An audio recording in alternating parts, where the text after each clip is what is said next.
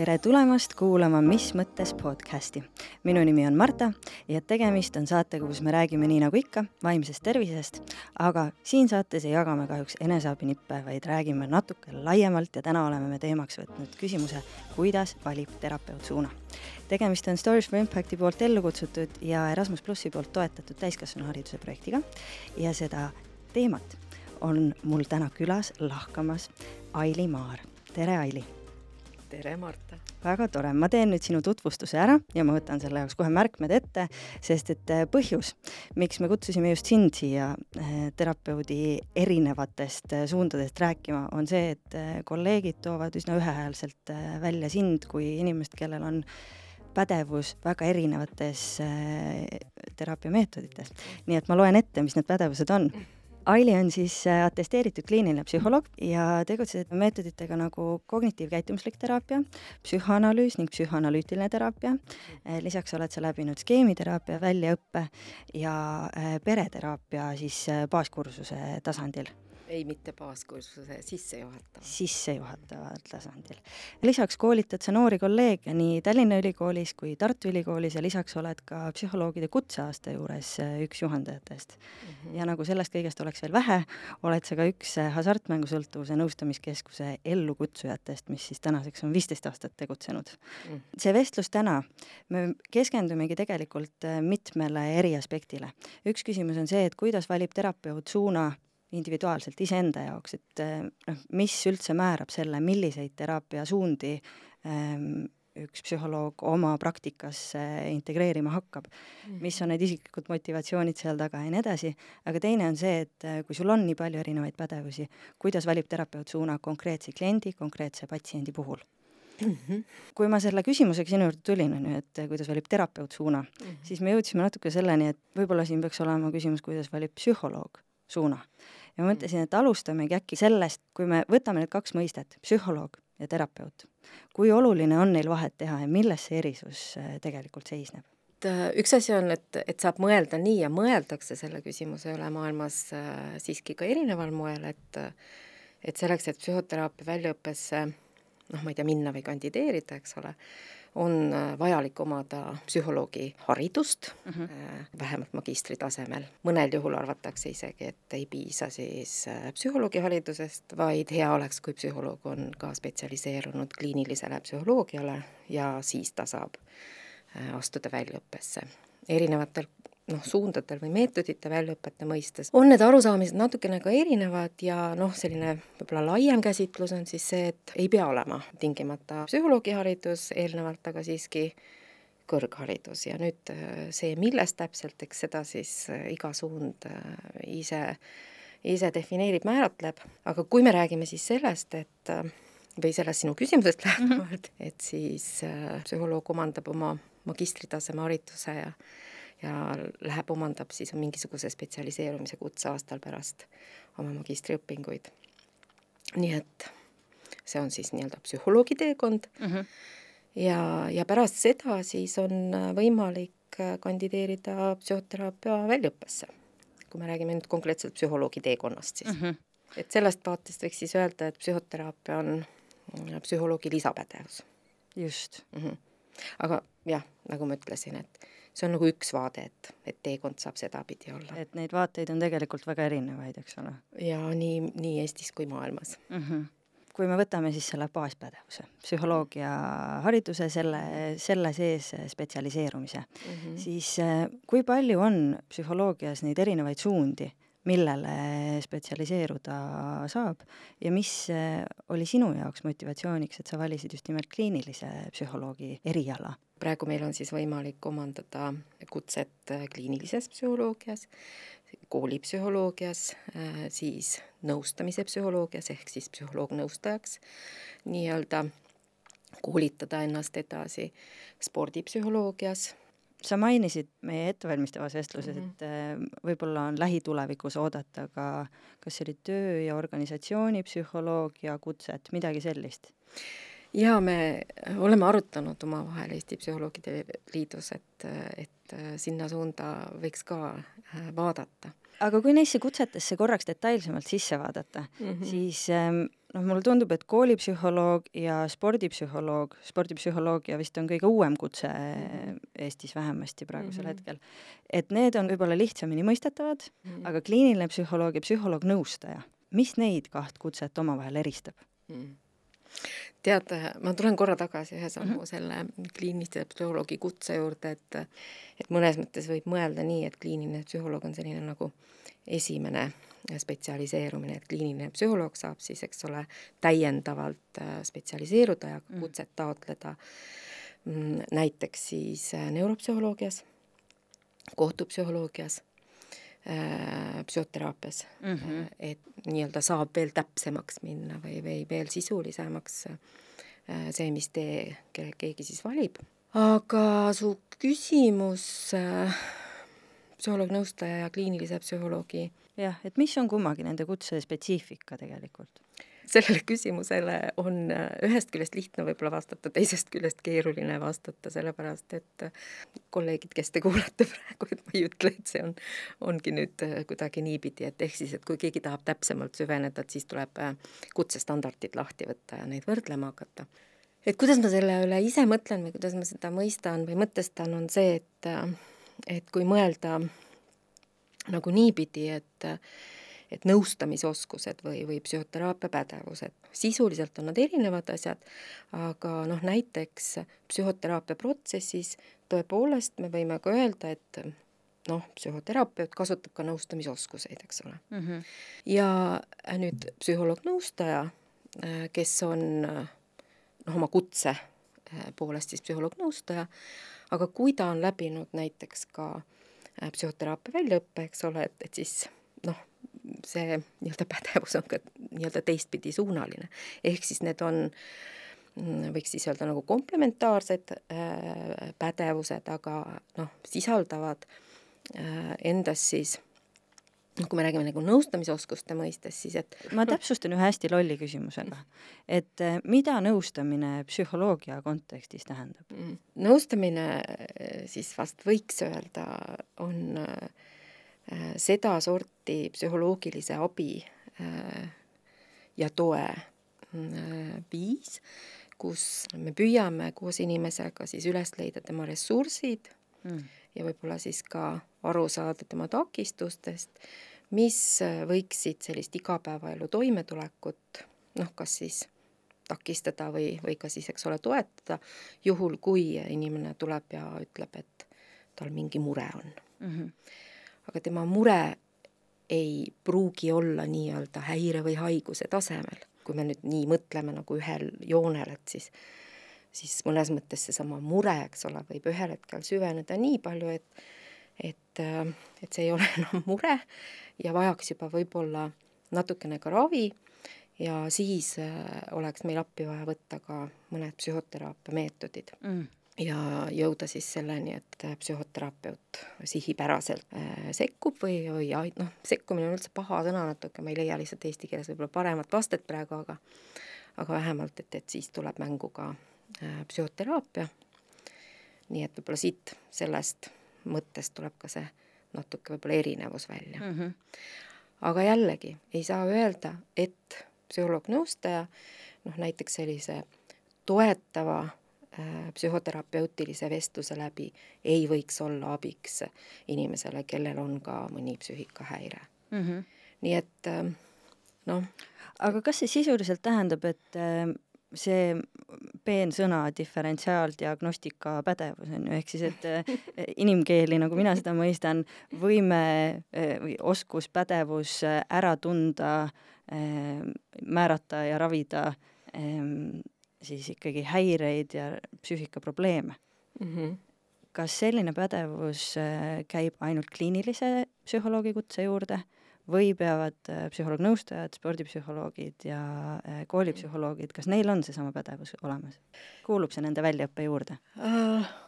Need on kaks erinevat küsimust, on ju, et kas, kas see pädevus on olemas või kas see kuulub väljaõppe juurde. ma ei julge kellegi teise väljaõppe kohta midagi siin sisuliselt arvata, sest tean ma täpsemalt äh, seda, milles ma ise väljaõpet oman. aga see mõte, et, et kas võiks olla et ma ei võtaks siis sedapidi seisukohta, et peaks olema mm, -hmm. aga et kas võiks olla see äh, nii-öelda diferentsiaaldiagnostiline pädevus või, või kui seda lihtsamalt öelda, et et äh, kuidagi nagu oskus või, või arusaam eristada, millega on äh, mingisuguses kindlas äh, olukorras tegemist, kui inimene pöördub. ma arvan, et äh, sedapidi võiks osata mõelda iga psühholoog mm ma võib-olla siin isegi võiks laiendaks kõikidele vaimse tervise spetsialistidele, mitte ainult psühholoogidele. Küll aga arvan, et see selline eristava diagnostilise pädevuse puhul võib ju nii mõelda nagu, et erinev tase noh, näiteks ka vaimse tervise õde, eks ole, et kui tema vastuvõtule inimene pöördub, et ta teeb oma vastuvõtu käigus otsustusi selle kohta, et millega parasjagu inimesel noh, mure või pusklemist nii-öelda parasjagu on, eks ole mm, -hmm. ja mhm ja, ja kas ja missugust abi ta võiks äh, vajada noh, järgmises etapis või piisab näiteks ainult vaimse tervise konsultatsioonist. aga kui me läheme sinu isikliku sellise kujunemisloo juurde mm, -hmm. see, et just sina vali-, sina valisid just nimelt kliinilise psühholoogi kutse, miks see nii kujunes? Äh, no teekond on pikem tegelikult olnud, eks, et, et seda, et ma psühholoogiat tahan õppida, seda ma teadsin juba siis, kui ma keskkooli lõpetasin aga no see oli veel selline aeg, kus siis ei saanud äh, psühholoogiat õppida Eestis esimese kõrgharidusena. ja vaat Peterburi mina maatüdrukuna ei julgenud minna nii et, et siis ma omandasin kõigepealt oma esimese kõrghariduse ja pärast seda äh, läksin siis äh, psühholoogiat õppima. aga kliinilise psühholoogia spetsialiseerumine, noh, siis äh, oli täitsa ikka niisugune nagu uudissõna veel, hmm. et see tuli sellise nagu õppe käigus.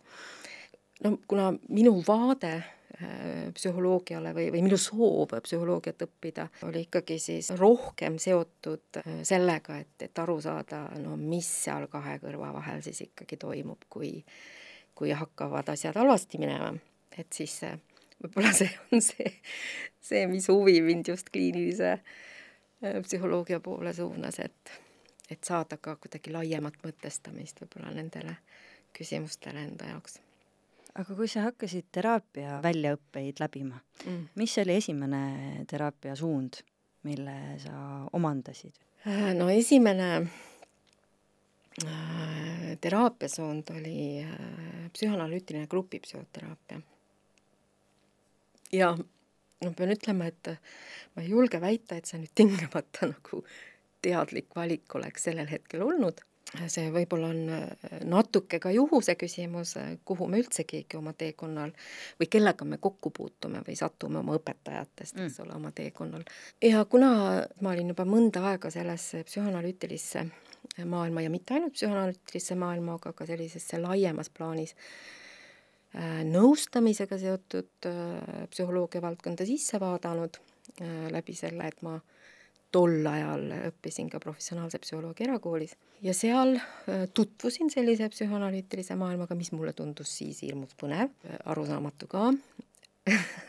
Aga põnev eelkõige nii, et, et see on, seal oli see esimene kokkupuude ja seal see huvi tekkis ja siis ma mõtlesin, et vaataks sinna siis natukene lähemalt sisse. aga kas teoorias võiks olla ka nõnda, et ütleme, et teed oma kõrghariduse teekonna läbi, saad oma kliinilise psühholoogi kutse, ehm, õpidki psühhanalüütilist äh, teraapiat näiteks ja siis sinna jäädki. et sul ongi selle ühe teraap-, teraapilise meetodi pädevus ja kas sellest võiks piisata või mis see on, mis drive ib nagu teisi lähenemisi otsima? et mis mul viga on, et miks ma ühe juurde pean ei, ma pigem mõtlen nii, et kas see üldse on, kas on viga jääda ühe peale pidama?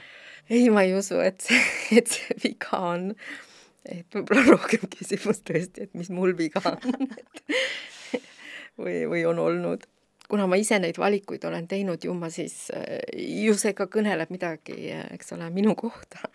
mulle väga meeldib maailma vaadata erinevatest akendest et siin ma jah, teen ka kummarduse oma nii-öelda ühele teisele õpetajale, et kummardus siis Kadi Liigile ja ma arvan, et Kadi Kadi üldse ei tea, et ma talle siin kummardust praegu tean, teen, et ma pole Kadile seda kunagi rääkinud. aga see oli tollel ajal, kui, kui ma siis oma esimest kõrgharidust omandasin, siis äh, siis oli äh, Kadi Liik see, kes pidas arengupsühholoogia loenguid. ja arengupsühholoogia loengute raames meil olid siis erinevad arenguteooriad käsitlusel, eks ole tema siis tõi sellise toreda metafoori või kujundi, põhjendades, et miks võiks olla hea või, või võib-olla ka oluline äh, vaadata näiteks sellisele nähtusele nagu ühe inimese areng äh, erinevate teooriaakende läbi, see selline kujutlus või, või mõtteharjutus, kuulajad võivad sellega kaasa teha, eks ole, kui teil on parasjagu võimalik oma keskkonda kahest erinevast aknast vaadata, et et kui te vaatate välja oma paremal käel olevast aknast. ja näiteks te olete Tallinnas või vahet ei ole, kus linnas te olete, ja, ja teil palutaks kirjeldada, et äh, ütle mulle, missugune on näiteks siis Tallinn. ja sa annad teatud kirjelduse ja sa kindlasti ei eksi mm. -hmm.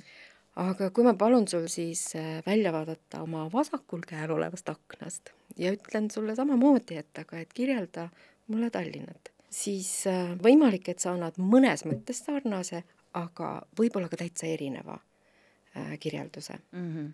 mõlemad on õiged ja mõlemad omamoodi on ekslikud, kui me küsime, et mis asi see Tallinn või kuidas see Tallinn nagu üldse välja näeb.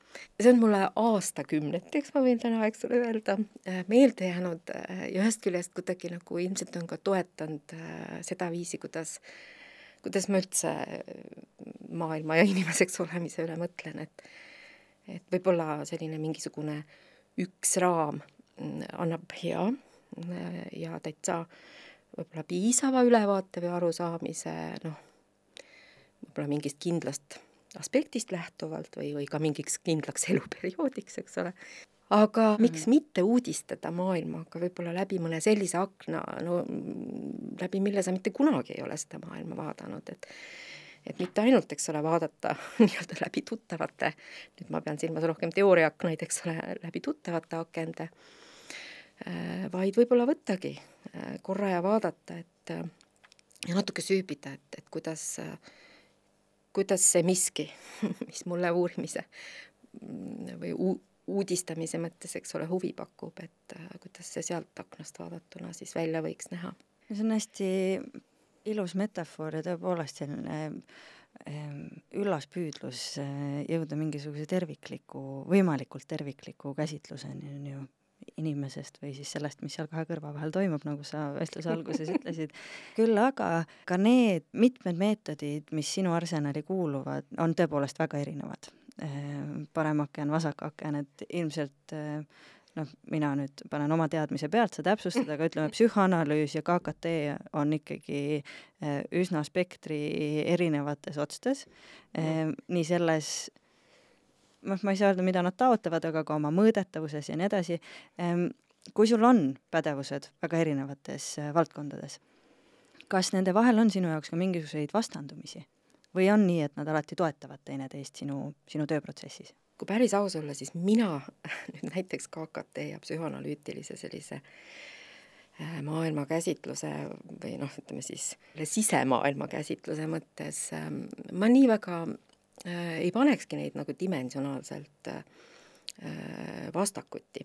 aga erinevusi muidugi seal on, kas ma kaklen oma peas Äh, nende erinevustega, siis, siis ma ei kakle. ma tõesti äh, näen äh, neid ka pigem kui erineva võimalusena mm. mõista, aga ka siis erinevate võimalustena noh, nagu mõnes mõttes sellises nagu tööriistakastis omada erinevate olukordade või erinevate noh, nagu küsimuste käsitlemisel. Tõsi, nii nagu sa ütled, et selle mõõdetavuse koha pealt äh, täna veel, aga mitte tingimata võib-olla mõne aasta pärast või ka tulevikus, aga noh, täna veel tõesti mõõdetavuse mõistes äh, selline kognitiivkäitumisteraapia maailm on ikka oluliselt kaugemale jõudnud aga see, kui me täna veel ei ole uurinud äh, mingit fenomeni või võib-olla ei ole ka osanud operatsionaliseerida, eks ole, mingit nähtust sellisel moel, et ta oleks äh, võrreldavalt mõõdetav mm. -hmm. ja, ja noh, nagu see on see keeruline koht võib-olla. et see ei tähenda, et me seda võib-olla tulevikus teha ei saaks. aga ma hea meelega päriselt ka mõtlesin su küsimuse peale kodus ka ja mõtlesin, et ma tead hea meelega võib-olla mõne kolleegiga äh, arutaks mõne küsimuse üle, kes näeb äh, et on tegemist mingis aspektis, ma ei tea, kas sellise nagu põhimõttelise vastuoluga või või, või sellise põhimõttelise äh, erineva käsitlusega, et aga sa oled kindlasti kokku puutunud, et, et neid asju vastandatakse, mis need argumendid on, mida, mida näevad need inimesed, kes äh, mingil põhjusel tajuvad põhimõttelist vastuolu?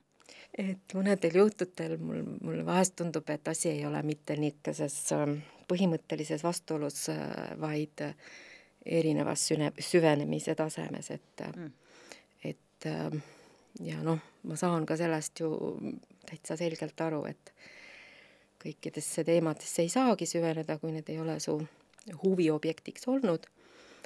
ja, ja noh, samas ma arvan, et, et see olukord võib tekkida vast ka teistes eluvaldkondades, et, et vahest kui, kui süveneda mõnda ma ei tea, küsimusse, mis esialgu tundub äh, nagu nii põhimõttelise vastuoluna mm, -hmm et, et, et siis äh, et siis äh, süvenedes ühel hetkel äh, see vastuolu nii suur äkki ei tundugi.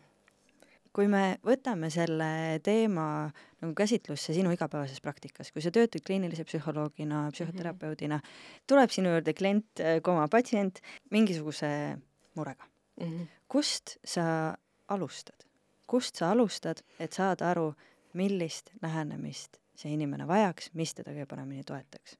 mille sa endale kõigepealt pead selgeks tegema? nagu sa ütled, klient koma patsient, äh, ega ta nüüd äh, lihtsalt niisama ka ju ei tule. Et eks, eks tal on ikka endal ka äh, mõne mõt-, mõni mõte või, või, või mure või, või siis kaebus.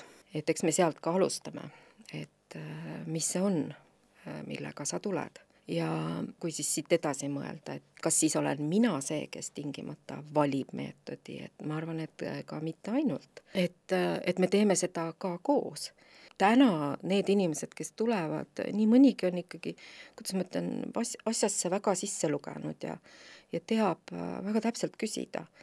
ja, ja kui tema soov on ikkagi noh, minu arsenalist mingisugune väga kindel äh, Äh, nii-öelda meetod kasutusele võtta et siis me võime ka seda täiesti äh, tema soovist äh, aga kohtad sa seda palju, et inimesed jõuavad sinu juurde, noh, ma saan aru, seda ütlevad paljud spetsialistid, inimesed on ise nii palju teadlikumad, et neid kaebusi osatakse võib-olla paremini juba konteksti asetada mm, -hmm. mõtestada ja nii edasi, aga et kohtad sa seda palju, et inimesed tulevad ka juba teadmisega teraapiameetoditest ja oskavad ise küsida või nii-öelda noh, tellimust esitada, et kuule, prooviks seda asja tavaline ta ei ole, aga ma ei saa ka öelda, et ta täna nüüd nii erandlik oleks, eks ole, et noh, kindlasti kui me siis räägime, noh, ma annan inimesele teada, et oman väljaõpet selles ja selles ja selles ja selles, et, et kas tal on, kas tal on endal mingeid soove, eelistusi sellest lähtuvalt, et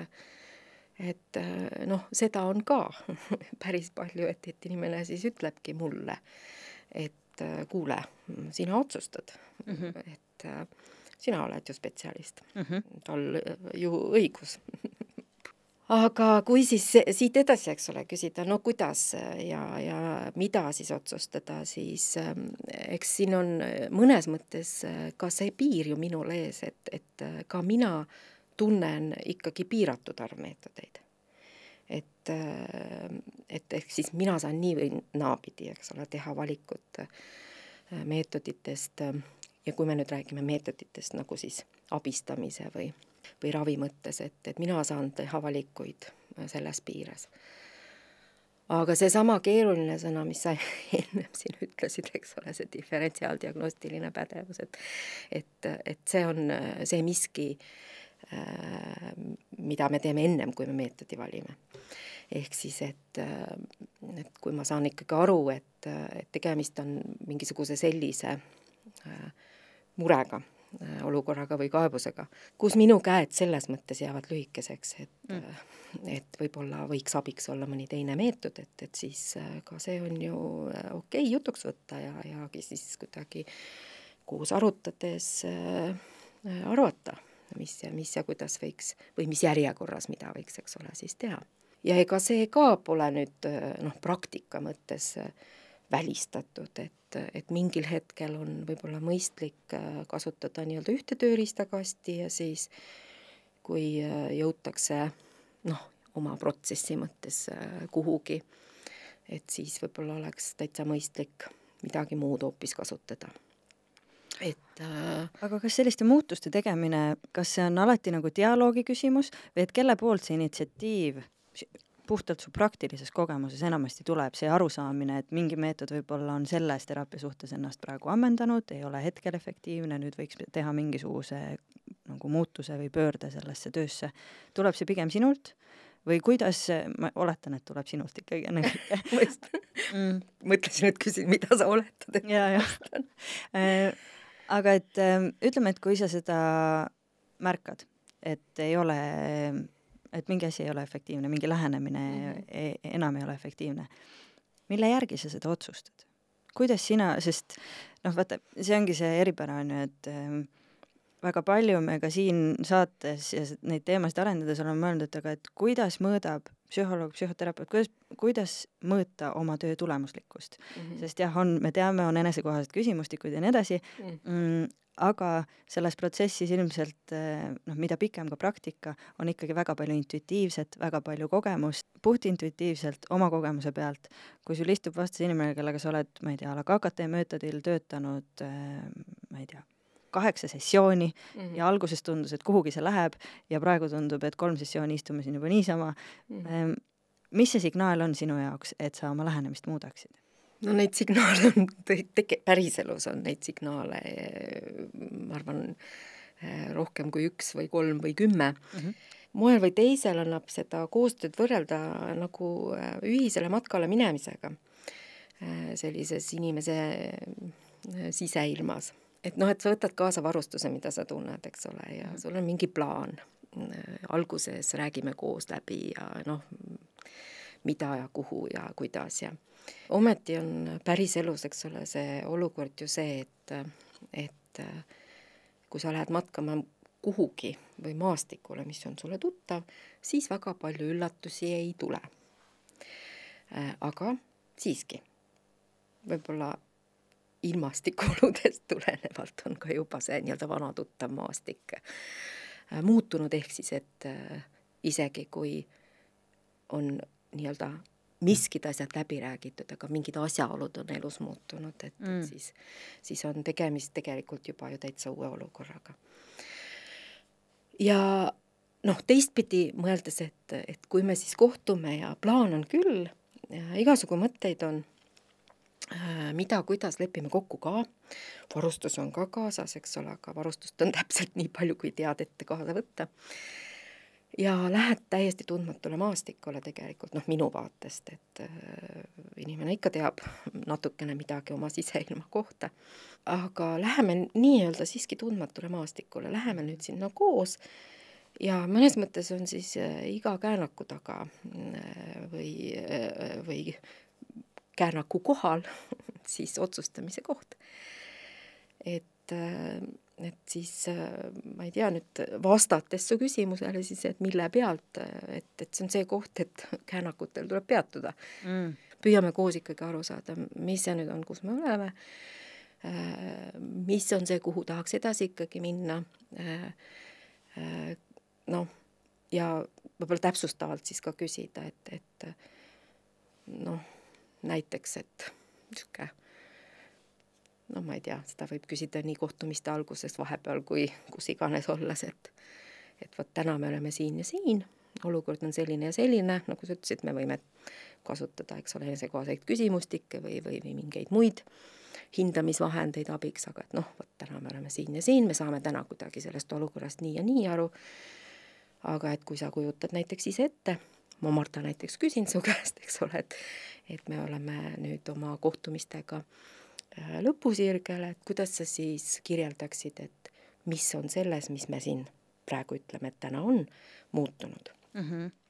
et äh, mis see sinu vaade on, et äh, mida siis on kas rohkem, mida on vähem või, või, või mis on see, mida on, mis on täiesti teistmoodi ja eks me siis vaatame kas äh, minu tööriistakastis olevad vahendid, meetodid äh, aitavad jõuda seal punktist A punkti B. no see on väga huvitav nagu käsitlus, mille peale mina ei ole küll osanud selliselt varem mõelda, aga et sa lähedki selle mindset'iga, et sa lähed tundmatule maastikule avastusretkele.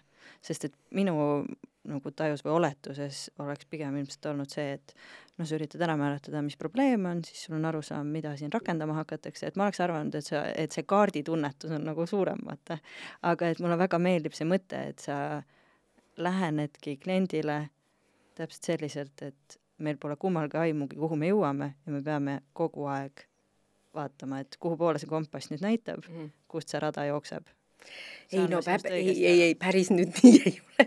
see, see kõlab küll natukene õudselt, mis sa praegu ütled, kui see nii oleks, et me nii. nüüd täiesti tundmatule maastikule läheme, et et, ähm, et selles mõttes äh, tundmatule maastikule, et äh, et kui ma räägin sellisest inimese sellisest subjektiivsest enesekogemusest, et mm, -hmm. et, et missuguses sellises nagu äh, psühholoogilises ruumis äh, nagu inimene ise elab aga noh, et, et see on see, mis on minu jaoks tundmatu maa mm, -hmm. aga loomulikult äh, see, mis on minu jaoks, eks ole, moel või teisel kaardistatud, tuleb ju alusteooriatest, mida ma siis kas tunnen arvan kuhugi maani tundvat. ja, ja noh, see on see, millest me ennem rääkisime, et, et neid alusteooriaid on mitmeid ja, ja selle, noh, selles mõttes on, on ka siis võimalik ikkagi kaarti omada. ja noh, kui on mingi selline selge probleemipüstitus, nii nagu sa ütlesid, mul on see probleem, tahan jõuda selliste lahendusteni, need on suhteliselt äh, lihtsad lähteülesanded, et, et siis on, siis on, siis on ju tegelikult juba kaart ees läbi selle, mis me raskusena noh, nagu defineerime või ütleme, et mis on see pöördumise põhjus, eks ole, ja mis on soovitud lahendus, et siis äh, mõnes mõttes see äh,, see annab ikkagi koordinaadid mm. -hmm. küll aga, mis ma mõtlen selle tundmatu maa või, või sellise ühise matkana nüüd, praegu meenub, ma usun, sa oled ka näinud, sotsiaalmeedias on äh, palju selliseid meeme, mis, et et äh, tahan jõuda punktist A punkti B ja peas on selline mõte, et ma jõuan sinna sirge sellise lineaarse joonega mm. -hmm. tegelikkuses on seal päris palju mäsu vahepeal, et meil on küll teada see alguspunkt ja enam-vähem lõpp-punkt, eks ole, aga aga seal vahepeal äh, võib olla päris palju ka avastamisi äh, selles osas, mida ennem ei osanud isegi enda puhul siis noh, ma mõtlen nüüd siis inimene, kes pöördub mm, -hmm eks ole, kas mõelda või öelda ammugi siis mitte mm. -hmm. kas sinu praktika juurde käib alati see, et kui inimene tuleb, ehm, et te seate kohe selle teraapiaprotsessi alguses mingisuguse eesmärgi? sest sa ütlesid, et noh, et kui me oleme jõudmas oma mm -hmm. seansside lõppu, on ju mm, -hmm. et mille järgi te otsustate, millal te lõpetate? Ma saan aru, et ühel hetkel saab inimestel raha otsa, on ju, aga et aga no lisaks sellistele olmelistele, olmelistele küsimustele, mille järgi otsustada, et teraapia on ol-, on olnud nüüd nii edukas, et inimene enam tulema ei peaks? kui muret enam ei ole, et nii-öelda kui kaebused on kas leevenenud või, või neid ei ole, eks, et kui niimoodi väga lihtsustatult, eks, öelda kuidas ma tüüpiliselt, äh, ma ei tea isegi, kas tüüpiliselt saab öelda, aga noh, kuidas ma ka teen mm, -hmm. on see, et et me seame sellised vahe-eesmärgid ikkagi, et see ei ole päris äh, nagu sedapidi, et täna alustame ja ja vaatame, millal me sinna lõppu jõuame. see samm võib olla erinev, eks ole, aga et noh, et praegu me lepime kokku noh, näiteks kohtumiste alguses, et, et esialgu lepime kokku esimesed viis kohtumist. ja esimese viie kohtumise jooksul, noh, me teeme seda, seda, seda, seda, me räägime need asjad läbi, eks ole. siis on nii-öelda see esimene koht, kus me istume maha nii-öelda ja vaatame koos, äh, kas seda, seda, seda tehes me oleme mingeid tulemusi siis äh, saavutanud, kuidas me nüüd seda olukorda nagu mõistame ja, ja siis teeme nii-öelda järgmise kokkuleppe mm. -hmm. aga on sul olnud ka selliseid juhtumeid nii-öelda, et sa näed seda käänaku vajadust äh, seal poole tee peal, ehk siis, et võib-olla te olete kokku leppinud, ühise eesmärgi seadnud mm, -hmm. et mhm. nüüd me circa viis seanssi tegeleme selle küsimusega sellisel mm -hmm. meetodil ja sa näed kolmandal seansil, et no mul ei ole mõtet kaks seanssi sedasama rada veel ajada. on sul selliseid momente ka, kus sa justkui tõmbad selle stopi maha ja võtad selle peegeldamise momendi varem? jaa, ikka päriselus on muidugi äh, ka ikka selliseid olukordi ka olnud, et äh, aga mis selleks juhtuma peab? mis selleks äh, enamasti juhtub, on see, et et see miski, mida siis inimene nii-öelda veel avab või, või või nii-öelda sellesse ühisesse teraapiaruumi toob, et et, see on kuidagi nii oluline info, et, et me peame vahepeal võib-olla äh, mingisuguse põike tegema. noh, minu vaatest siis äh, spetsialistina, eks ole, tuleb nagu nii palju sellist infot äh, juurde, mille kohta ma ei saa öelda, et ma oleksin sellest sinuga näiteks ennem rääkinud ja mul tekib hüpotees, et me peaksime korra nüüd vaatama seda olukorda natukene teise nurga alt ja siis ma teen sulle ettepaneku, et mis sa arvad et äh, kui me vahepeal teeksime noh, seda või seda ja vaataksime, mis sealt välja siis tuleb mm. -hmm. Need erinevad teraapiameetodid, mida sina valdad, mida sinu kogemus on näidanud, et milliste häirete puhul, milliste isiksuse omaduste puhul on, millised äh, nendest sinu pädevustest nagu efektiivsemad, kas sul on välja kujunenud mingisugused mustrid? saad sa selliseid üldistusi teha? väga libe tee nüüd mul minna no ma äh, selles mõttes võin seda natukene sillutada sinu jaoks, et ma ütlen selle disclaimer'i siia juurde, et selge see, et äh, erinevate teraapiameetodite puhul nende tõenduspõhisus käib konkreetsete mm. häirete juurde, on ju, mingi üks asi võib olla tõestatult tõhus mingite kindlate murede puhul ja teiste mm. puhul puudu, kas ei ole küllalt tõendeid või ei ole piisavalt uuritud, tehtud mm., me ei tea.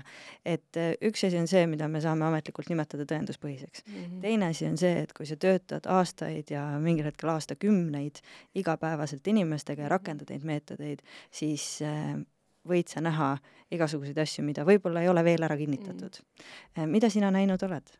võtame konkreetselt skeemiteraapia näiteks mm. -hmm. millistel puhkudel sinu kogemuses pöördud sa skeemiteraapia poole? Ma pean siin küll oma nii-öelda kolleegidest kuulajate ees selgitama seda osa kõigepealt, et et äh, ausalt öeldes siin niimoodi mikrofoni taga ennast äh, sedamoodi avades, et, et kuidas ma mõtlen mm -hmm. nüüd äh, nagu päriselus ja protsessis, et see on päris ärevusele eksponeeriv, ütleme siis niimoodi.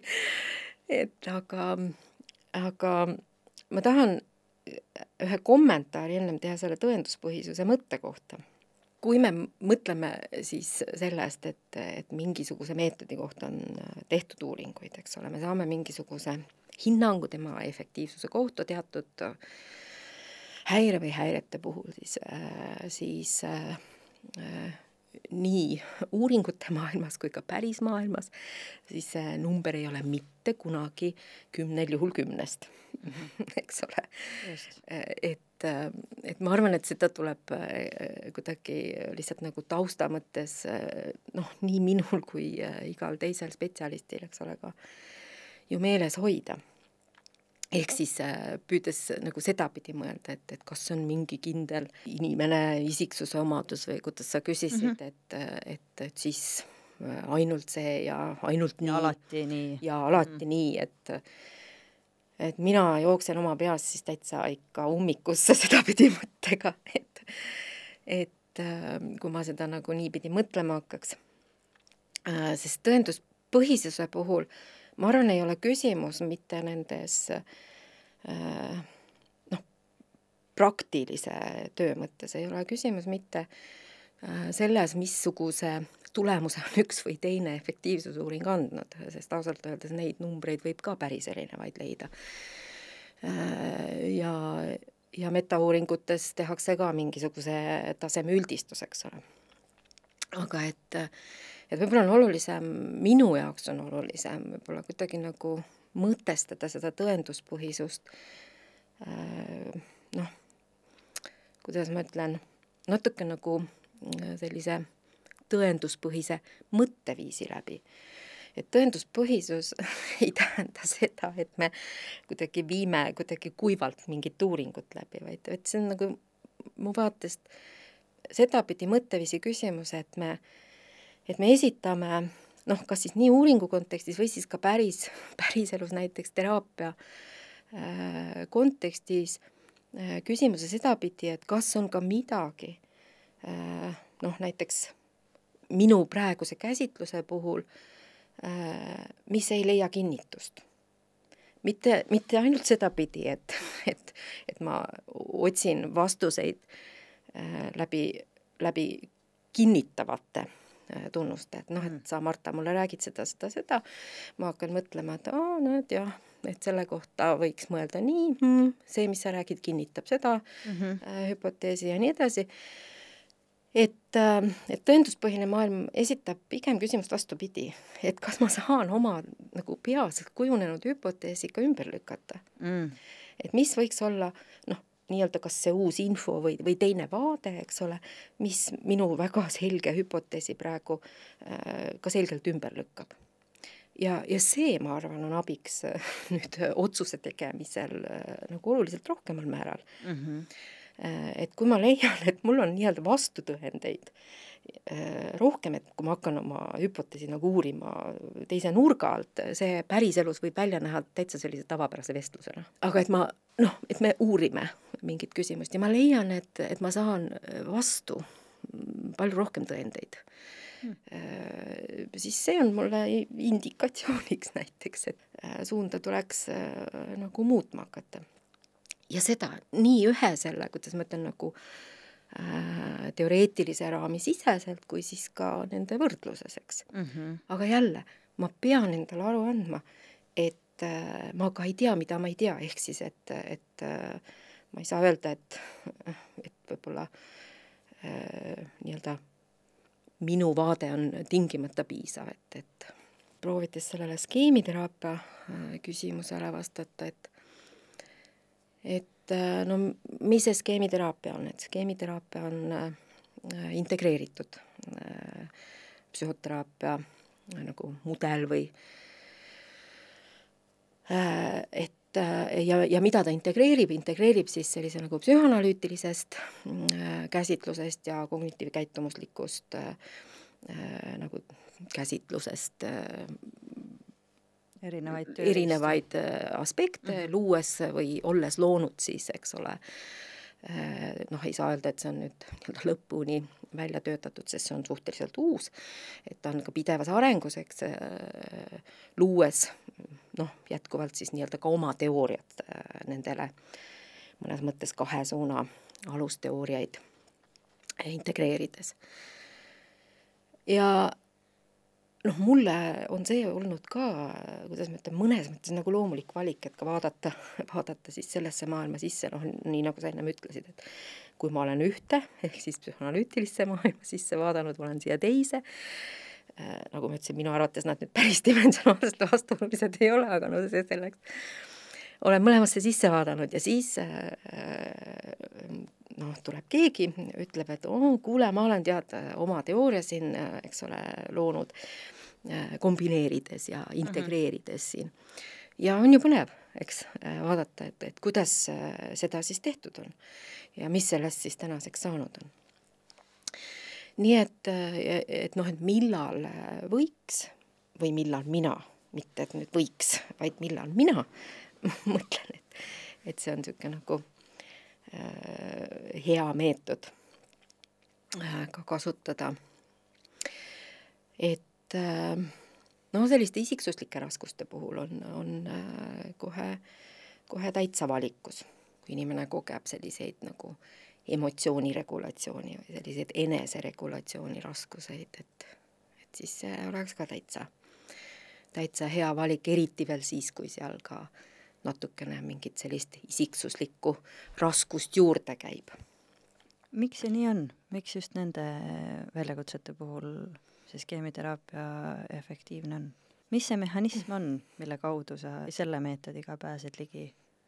mulle tundub, et selline, kuidas ma ütlen, enam-vähem teoreetiliselt puhas vastus võiks olla alusteooriate mõistes, eks ole, sellised äh, mõlema suuna äh, kombinatsioon just nimelt al-, alusteooriate mõistes, mitte kombinatsioon, integratsioon, sest need on siiski erinevad asjad. et, äh, et need alusteooriad, kui neid integreerida, et need aitavad mõtestada kuidagi kenasti siis ka praktikas, eks ole, käsitleda just neid raskusi, millest me rääkisime. Mm.. et äh, et mõtestamine ja funktsionaalsus kuidagi kohtuvad selles? jaa, ma just mõtlen praegu, et kui palju ma lähen ma ei ole loenguks vaata praegu ette valmistanud, et loengut pidada alusteooriatest, aga, aga äh, aga, äh, aga jah, võtsid kenasti kokku, et äh, võib-olla nii võib mõelda mm. -hmm. et aga jällegi kuidas ma ütlen, see on, see on võib-olla see, kuidas minul maailm kahe kõrva vahel toimib, et et ma, ma ise kuidagi nii, nii-öelda lihtsalt ühtegi meetodit mõistmata selle äh,, selle meetodi kasutamisega nagu kaasas käivaid või, või see, need alusteooriad, millest üks meetod nagu sekkumise mõistes, eks ole, kogumina on, on kujunenud, et, et äh, ma arvan, et oluline on aru saada ka, et, et miks just see meetod, et mm -hmm. selles mõttes ma räägin alusteooriatest, aga jällegi mulle tundub, et see kehtib absoluutselt iga eluvaldkonna kohta, ma arvan, et kokk peab ka mõistma, miks ta just seda nuga sellise ja. või teistsuguse liha või, või, või, või kala või, või, või, või mis iganes eesmärgil, eks ole, kasutab, et et meetod on vahend. aga me peame ennem aru saama, mida ja miks me teeme aga kui ma küsin sult sedasama ka KKT kohta ja siis ka nende teiste kohta, alustame KKT-st. mis puhul sinu praktikas on KKT kõige efektiivsem olnud? appi, lõpe, võtaks selle lõpu ära, kõige efektiivsem. jah, võib-olla see on vale sõnastus, tegelikult mitte kõige efektiivsem, vaid millistes situatsioonides, milliste juhtumite puhul oled sina psühholoogina, leiad selle motivatsiooni otsida just KKT meetoditest äh, lahendust? Tead, ma tahan jälle ühe lisakommentaari teha, et äh, tänases psühhoteraapia maailmas, kui me räägime meetoditest, siis äh, seda, et mingi meetodi puhul me saame öelda, et, et et see on nüüd ainult KKT meetod mm -hmm. või et selle või teise või kolmanda, neid juhtumeid on äh, võib-olla pigem vähem kui see, et äh, et meetodites on ka kattuvusi ja, ja meetodite puhul võib-olla nagu nimetatakse meetodeid erinevalt, aga protsessi tasandil ehk see, millesse sekkutakse või, või see, millega tööd tehakse ühe või teise meetodi kasutamisel, eks ole, et, et et äh, need on sarnased, et ehk siis see, mida ma praegu ütlen, ei kehti tingimata kõikide KKT meetodite kohta, mis ma tahan öelda mm. -hmm. Äh, aga et millal võiks ikkagi kaaluda või millal mina kaalun, et äh, vot äh, praegu tundub, et sellised kognitiivkäitumisteraapia, kognitiivkäitumusliku teraapia viis mõelda, eks ole, kuidagi noh, psühholoogide keeles me kasutame sõna kontseptualiseerida ja meetodid, mida me siis kasutame, et oleks võib-olla täitsa hea valik, näiteks ärevushäirete puhul. aga, siin ma ütlen jälle aga, minu vaatest, eriti siis, kui on ka väga selge, missuguse spetsiifilise ärevushäirega näiteks on tegemist. et nagu selles maailmas selliste spetsiifiliste ärevushäirete puhul on on nagu väga-väga head häirepõhised kontseptualiseeringud ja seal on nagu väga selge arusaamine selle kohta, et, et kuhu võib-olla oleks nagu mõistlik sihtida äh, selleks, et äh, noh, nii-öelda abi tuleks võimalikult kiiresti. Aga jälle, kui rääkida ärevusest üldiselt, eks ole, et, et kui selle noh, ärevuse taustal on, on on aga kuidagi nagu niisugused ärevust säilitavad tegurid pigem hoopis äh, isiksuslikud, et, et siis mm., siis võiks võib-olla ühel hetkel liikuda edasi noh, kuidagi nagu mõnede muude meetoditega mm. -hmm.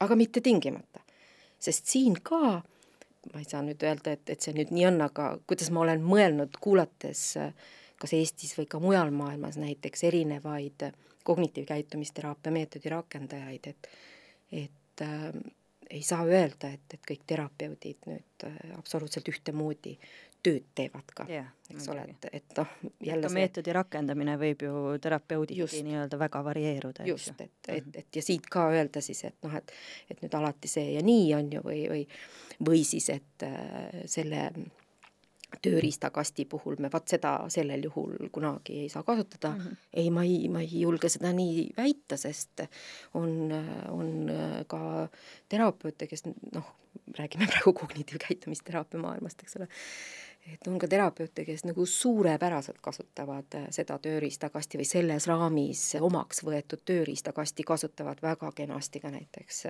isiksushäirete ravis mm. -hmm. nagu ma ennem ütlesin, sellist asja, et kümme kümnest alati äh, noh, ka tõenduspõhises uuringute maailmas ma veel näinud ei ole. just, ja ma arvan, see ongi selline hea taust, mida nende, selle sisuliselt noh, päris mängu me ei mängi siin praegu, aga natukene ma palun sul üldistada võib-olla asju, mida ma usun, et sa ise võib-olla nii hea meelega ei üldistaks, aga mm -hmm. aga kui ma küsin sellesama küsimuse ka psühhoanalüüsi kohta, ja kui sa nüüd räägid psühhanalüüsist mm -hmm. või sa räägid psühhanalüütilisest psühhoteraapiast. ma alustasin psühhanalüüsist, see on ju aluspõhi, on ju. ma ei tea, kas nii saab üldistada, ma pole sellele varem mõelnud, aga, aga ma proovin teha selle üldistuse ja nüüd jälle, kui kolleegid kuulavad, siis pärast korrigeerige mind, võtke kuskil jutule, öelge, et Aili, nii ei tohi öelda. et, ähm, et, äh, et kui on kuidagi nagu tähendusloomega äh, pusklemist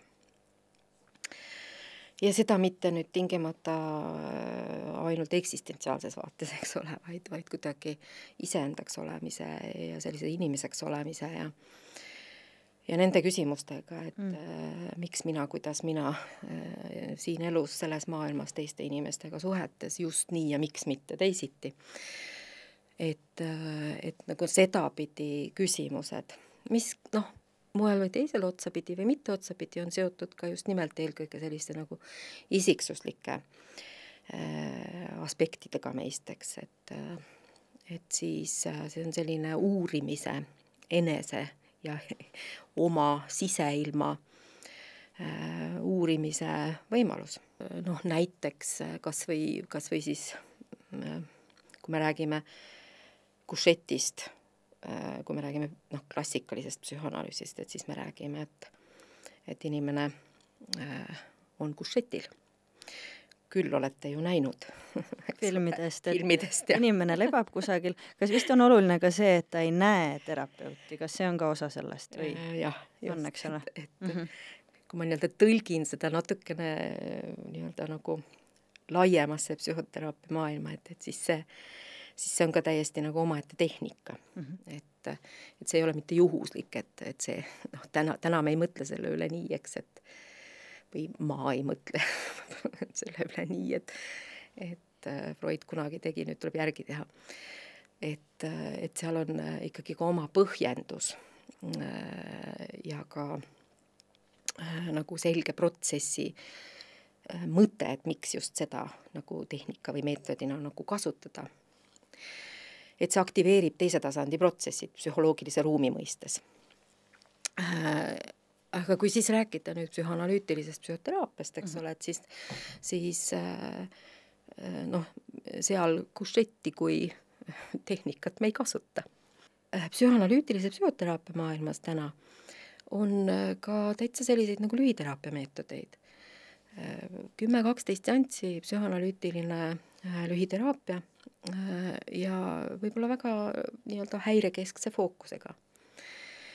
nii et, ähm, et see, see mõte võib-olla, mis võib-olla vahest kipub levima, et, et psühhoanalüütiline psühhoteraapia peab olema tingimata pikk, et see noh, täna tingimata ei kehti ma võtan sellest sõnasabast kinni, sest et, et kui sa enne ütlesid äh, just skeemiteraapiast rääkides, et tegemist on suhteliselt uue meetodiga, mistõttu noh, ta ei ole kuidagi lõplik või lõpuni ära defineeritud, eks ole, või et sa näed, et ta no teooria areneb, teooria mhm. kasvab mm -hmm. ja, ja, ja just mm, -hmm. et aga kui ma küsin sult sedasama näiteks psühhanalüüsi kohta, mis on ju väga klassikaline meetod, äh, tegelikult üks tänapäevase psühhoteraapia üldse alustaladest mm. -hmm. kui palju sellised klassikalised meetodid on veel muutumises, arengus, ehm, kas need alusteooriad noh, on nad lukus nii, nagu nad on ja kui keegi selle meetodiga nagu edasi tegutseb, siis sellest saabki a la skeemiteraapia mingi uus integratsioon või süntees mm -hmm. või on ka klassikaline psühhanalüüs näiteks. on seal mhm. mingi muutus selle rakendamises?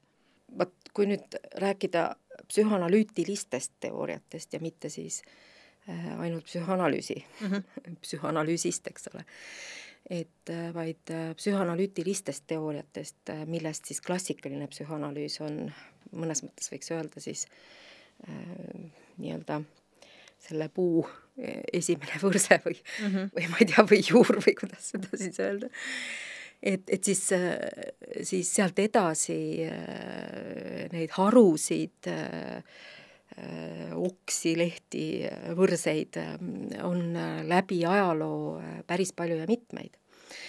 ja tõsi ta on, et, et neid harusid on siis läbi sellise nii-öelda integratsiooni või, või ka teooriate kombineerituse nagu teistele suundadele tekivad äh, tekivad siis sellised noh, nagu sa ütlesid, skeemiteraapia moodi integreeritud psühhoteraapiad, aga aga ka psühhoanalüütilise inimese isiksuse arengu, haiguse tervisekäsitluse teooriate mõistes, et et selle maailma siseselt on ka toimunud pidevalt ikkagi areng. ja, ja sellised äh, noh, viimased arengud on viinud ka sellise vaate tekkimisele või kujunemisele, mida me täna nimetame näiteks neuropsühhanalüüsiks. Mm.. et, et see on siis mm, nii-öelda, ma praegu mõtlen, kuidas seda nimetada, meetod, võib-olla mm -hmm. meetod on isegi vähe öelda, sest seal on ka omad alusteooriad täitsa lisaks noh, nagu esmastele alusteooriatele et, et, et aga noh, põhimõtteliselt on, kombineerib see sellise tänase, tänase sellise nagu neuropsühholoogilise, neurobioloogilise vaate ja psühhanalüütilise vaate. Aga seal, sinna vahele jääb oi-oi, kui palju veel erinevaid nagu maailmasid, mis siis moel või teisel võtavad parima osa klassikalisest psühhoanalüüsist, aga on midagi ka noh, nii-öelda need järglased või nii vist võib öelda, eks ole, ka juurde mõelnud ja mõtestanud aga on üks rada, mida ma tahaksin korraks veel äh, sinuga koos avastada mm., milles me küll kokku ei leppinud, aga aga et äh, kuna sa oma töös oled tegelenud ka sõltuvuskäitumise mm. nõustamisega mm. ja seda üsna süvitsi, siis äh, küsin ka selle kohta, et mis oli sinu praktikas see, mis sind viis selle raja peale? Kas sa puutusid oma igapäevatöös äh, pidevalt sõltuvustega kokku, kas sõltuvused mängisid nii suurt rolli, et sellest sai kuidagi eraldi rada sinu jaoks? see on väga põnev teema. Äh, sõltuvuskäitumine või sõltuvushaigus äh, üleüldse. et ühest küljest tõsi on see, et noh, nii diagnostilises kui sellises nagu kliinilise käsitluse mõttes me saame seda vaadelda täiesti eraldi häirena, täiesti eraldi haigusena, ja ometi äh, sellise nagu ravi või abi käsitluse vaatest need tänased ravi või abi käsitlused on pigem äh, seisukohal, et sõltuvushaigus, kui on äh, välja kujunenud tõesti sõltuvus. tahan ka öelda, et, et igasuguse käitumise puhul, mille puhul äh, me lõpuks ütleme, et on välja kujunenud sõltuvus, see ei ole selline üks-null maailm, et mm -hmm. ei olnud sõltuvust, nüüd on sõltuvus, et seal on ikkagi eelnevalt see miski olnud probleemi tasemel ja siis kas näiteks kuritarvitamise või, või liiase äh, käitumise äh, tasemel, et, et kui me räägime sõltuvusest, siis siis sõltuvuse puhul me räägime ikkagi juba haiguse väljakujunemisest ja see, ja selles mõttes on see hästi-hästi huvitav maailm ja see mõte, mis mul ennem pooleli jäi, et, et selles maailmas, kui esitada küsimust sedapidi, et, et kui paljude, kui paljudel juhtudel inimesel, kellel on äh, sõltuvushäire välja kujunenud, on tegemist ainult sõltuvushäirega, siis äh, neid on pigem vähem mm. -hmm.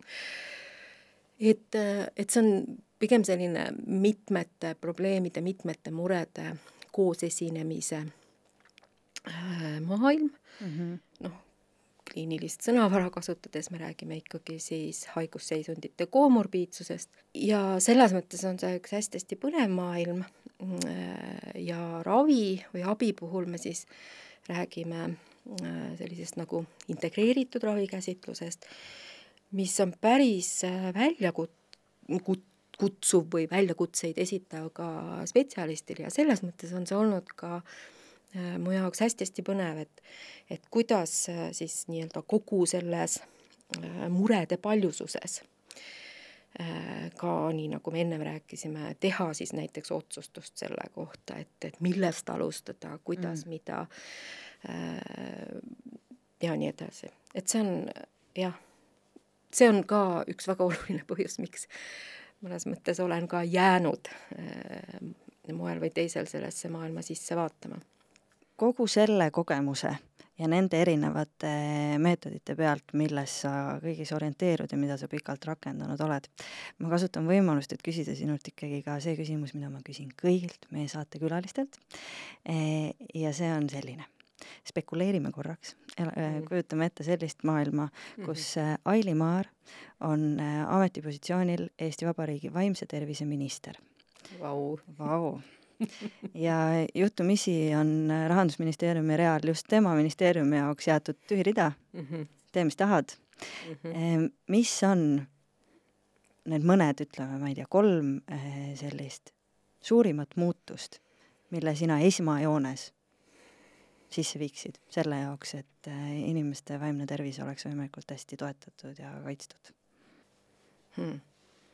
kas see minu ministeerium Sotsiaalministeeriumiga ka suhtleb või? absoluutselt. sul on, ütleme, et sul on täielik autonoomia. sa oled, ütleme, et sa oled ikkagi kõrgeima võimu kandja selles momendis okay., sa oled sisuliselt rahvas. okei ähm, ma küll ei tea, kuidas seda sinna reole, reale kirjutada, aga see mu mõte on praegu sisuliselt see, et et äh, päris sellisest äh, noh, nii-öelda kliinilise Äh, Otsa haigla vaatest. et siis ma arvan, et, et, et kuidagi me võiksime püüda leida võimalusi sellise nagu sotsiaalabi või, või ja vaimse tervise abi kokkupuutepunktide Äh, leidmisele oluliselt rohkemal määral mm.. Äh, praegu täpsustada ei äh, oskagi äh,. aga ma arvan, et see, kui ma nüüd ütlen noh, ühest küljest praktilise kogemuse, aga võib-olla ka inimeste jaoks, kes sellele natuke intuitiivselt, eks ole, mõtlevad, et me saame ilmselt ju ühtemoodi aru sellest, et et kui inimesel on vaimse tervise probleemid, siis mingist hetkest hakkavad kaasnema ka sotsiaalsed probleemid. et, et mingist hetkest üks ei käi teiseta ja, ja siis äh, ainult ühest või ainult teisest äh, üksi jääb väheks mm. -hmm. nii, ühe sain välja. see oli, aga see oli väga hea. no natukene võib-olla siis samasse mm, kategooriasse, et äh, Äh, ma küll äh, töötan täiskasvanutega, aga vaimse tervise probleemid äh, sellel hetkel, kui inimesed pöörduvad, enamasti on tegelikult alguse saanud juba mõnda aega tagasi.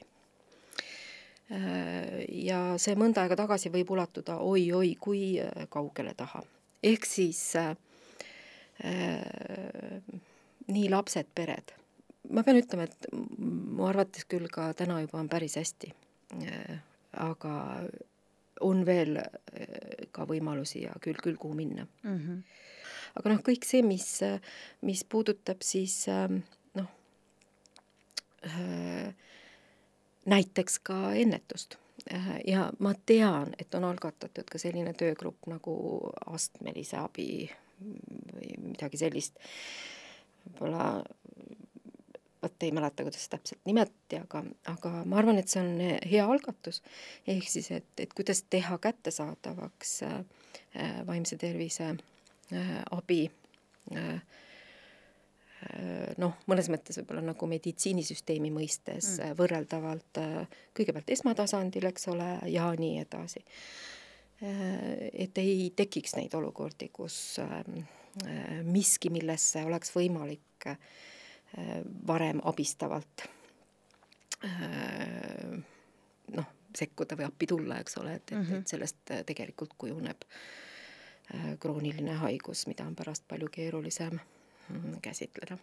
ma ei tea, kui ma nüüd koju lähen, siis ma veel mõtlen nii, et tead, minu arust sa andsid väga huvitavad vastused ja meie vestlusest äh, on nagu läbi käinud, see on nüüd minu väga subjektiivne taju sinust, aga ikkagi selline äh, püüd võimalikult terviklikule lähenemisele ja mulle tundub, et see kumas läbi ka sinu äh, vastustest sellele küsimusele. suur aitäh sulle, Aili, et sa täna saatesse tulid ja avasid seda äärmiselt kompleksset ja, ja nagu korduvalt märgitud, kohati subjektiivset teemat, et kuidas terapeut siis suuna valib mm. -hmm. kas on midagi, mida, mida mina ei küsinud, mida sa ise tahaksid veel äh, kuulajatele-vaatajatele öelda? Ma ei tea, mida praegu äh, veel öelda, et noh, nii nagu me ju ka arutasime, et äh, tegelikult kõik need teemad annab ju oluliselt teise nurga all või võib-olla oota, kes seal õpetas oma intervjuusid nii, et järgmisel korral see oli Ur-, Urmas Ott või? et ma ei mäleta, kuidas see slogan kõlas. järgmisel korral lükkame kõik ümber või? ei, ei, et järgmisel korral on uued jutud või midagi sellist no, oli. aga, aga noh, samal teemal võiks järgmine kord ilmselt ka tulla täitsa uus jutt. Jaa äh, et täna on nii, nagu ta siis on ja, ja täna said need mõtted, äh, äh, mis täna olid kaasas, et homme, homme on võib-olla juba nende samade asjade kohta täitsa teised mõtted. no annaks jumal, nagu me sinuga märkisime, see ilus ütlemine, et iseenda arengu eest pole keegi kaitstud ja oleks nii, et me saaksime iga päev järjest rohkem teada. Ehm, aga minu poolt väga suur aitäh sulle ja aitäh ka kõigile vaatajatele ja kuulajatele, et te meiega selle äh, tunnikese ja natukene rohkemgi mm. Äh, veetsite. meie teemaks oli täna see, et kuidas valib psühholoog ja kuidas valib terapeut suuna.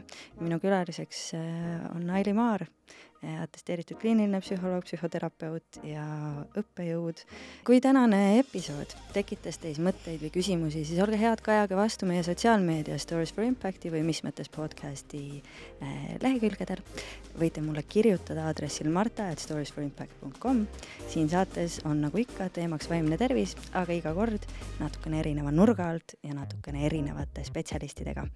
Eh, tegemist on Stories for Impacti poolt ellu kutsutud ja Erasmus plussi poolt toetatud seotud äh, projektiga, mille raames kavatseme teieni tuua veel mitmeid ja mitmeid episoode.